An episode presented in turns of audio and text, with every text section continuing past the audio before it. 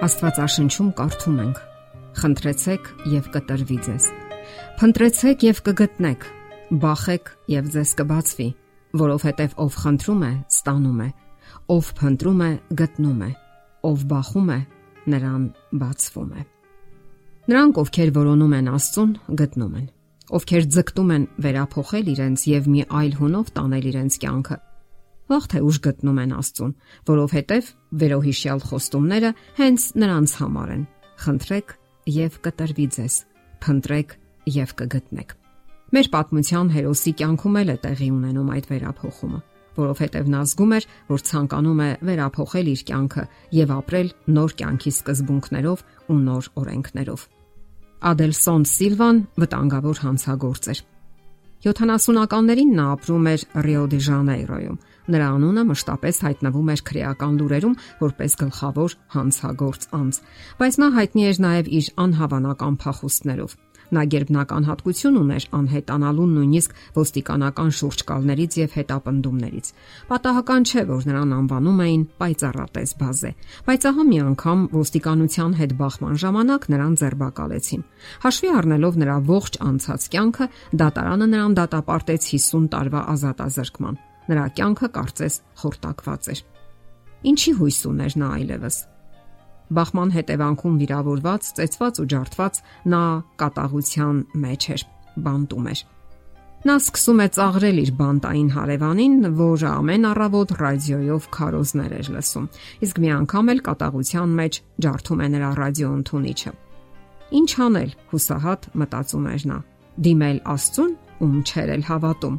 Այո, Աստված հաճախ թույլ է տալիս ծայրահեղ իրավիճակներ, որովհետև դա միակ ձևն է մեզ հոգևոր թմբիրից արթնացնելու համար։ Եվ իր հուսահատության մեջ բանտարկյալը աղաղակում է. Տեր, եթե դու կաս գոյություն ունես, փրկիր եւ հանիր ինձ այս իրավիճակից։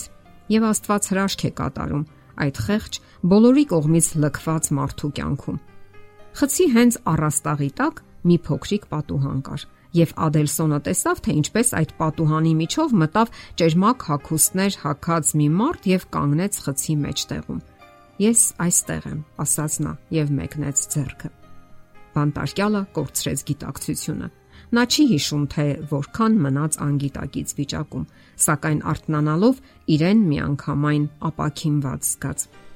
Մարմնի վրա ոչ մի վերք չկար, անհետացել էր ցավը ցնցված եւ ապշահար նա ծնկի եկավ եւ դարձյալ դիմեց Հիսուսին. Տեր, այցելիր ինձ, ես ցանկանում եմ զրուցել քեզ հետ։ Սակայն նա այլևս չտեսավ այդ խորթավոր էակին։ Դրան հաջորդեց դարձը։ Նա ընդունեց Հիսուսին որպես անznական փրկիչ։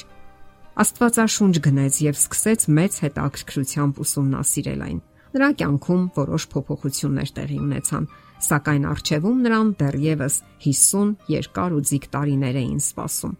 Անցավ մի որոշ ժամանակ։ Բանտի վարչակազմը իր մոտ կանչեց նրան։ Ադելսոնին ասացին, որ նրան սպասում է փաստաբանը։ Երբ նա մտավ դահլիճ, շփոթվածությունից կորցրեց իրեն։ Այնտեղ կանգնած էր տարօրինակ մի տղամարդ, սպիտակ հագուստներով։ Նրան թվաց, թե դա իր տեսած տղամարդն է ապա իրեն փաստաթղթեր տվեցին, որpիսի ստորագրի եւ ասացին, որ իրեն ազատում են լավ վարքագծի պատճառով։ Նա չէր հասկանում իրականություն է, թե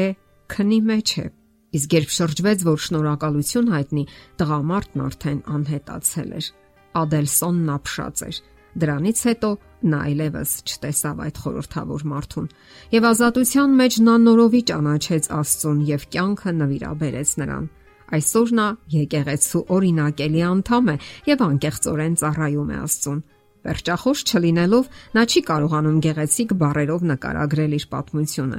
իսկ երբ խնդրում են պատմել, հուզվում է։ Սակայն Ադելսոնը մարդկանց մեջ աչքի է ընկնում ոչ թե իր քարոզներով, այլև կյանքով եւ արդարության պտուղներով, որ բխում են Քրիստոսից։ Նրա կյանքը մշտական փառաբանություն է Աստծուն, չէ որ նա անձամբ է հանդիպել նրան։ Երբ Հիսուսը հարցրեց բժշկված Հիվանդին. «Դու հավատում ես Աստծո որդուն»։ Նա պատասխանեց. «Հավատում եմ, Տեր» եւ երկրպագեց նրան։ Երկրպագել Աստծուն նշանակում է գիտակցել, որ մեր Աստվածը սիրում է մեզ անասելի սիրով։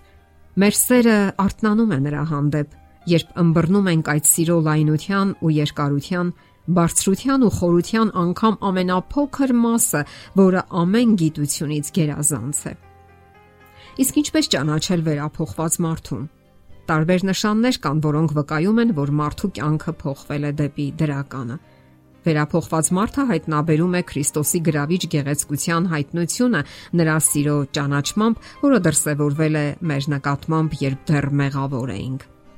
Այդ ժամանակ համառ սիրտը փափկում է ու ենթարկվում, իսկ մեղավորը վերափոխվում է եւ դառնում երկնքի զավակ։ Աստված չի կիրառում հաշկադրական միջոցներ։ Սերն այն միջոցն է, որով նա մեղքը վտարում է սրտից։ Այդպիսով նա հպարտությունը փոխում է խոնարհության, ճշնամությունն ու անհավատությունը սիրո եւ հավատի։ Հрьяաները ջանք էին թափում իրենց ուժերով հասնել կատարելության եւ կատարյալ պարտություն կրեցին։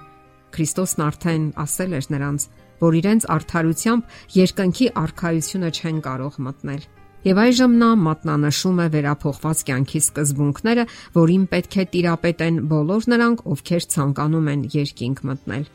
Լեռան քարոզի ողջ ընթացքում նա նկարագրեց վերափոխված կյանքի ու արդարության պտուղները եւ ապա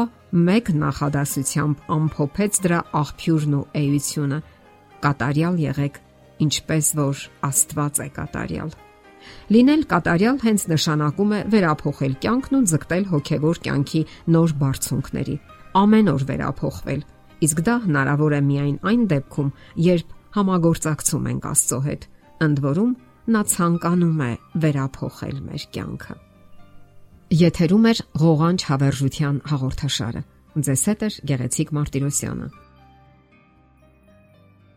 Հարցերի եւ առաջարկությունների համար զանգահարել 033 87 87 87 հեռախոսահամարով։